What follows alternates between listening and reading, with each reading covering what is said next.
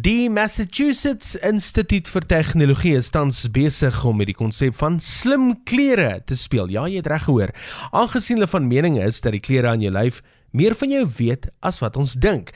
Die slim materiaal sal glo jou liggaamstemperatuur kan bepaal en kommunikeer en sal ook dinge soos jou hartklop kan volg. Nou optiese tegnologie kan ook die verandering in bloedtoevloei bepaal en die bevindinge na jou foon kommunikeer indien iets verkeerd loop. Daar is egter verskeie struikelblokke steeds in die tegnologie wat oorkom moet word, soos om die materiaal masjien wasbaar te maak. Ek dink nie iemand het al ooit al rekenaar in 'n wasmasjien gegooi nie en om die kommunikasie tussen die kledingstuk en die foon perfek te laat werk sodat jy die inligting kan gebruik om met jou dokter te deel.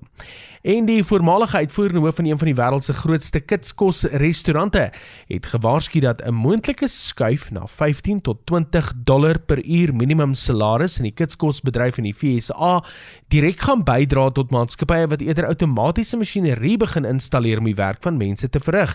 Ed Renzi sê dat maatskappye eers die toename in die salarisrekening gaan moet balanseer en dat outo tegnologie dalk net die antwoord is. So voel jy dat 'n rekenaar geprogrammeerde rekenaarmasjien jou hamburger dalk in die toekoms kan maak?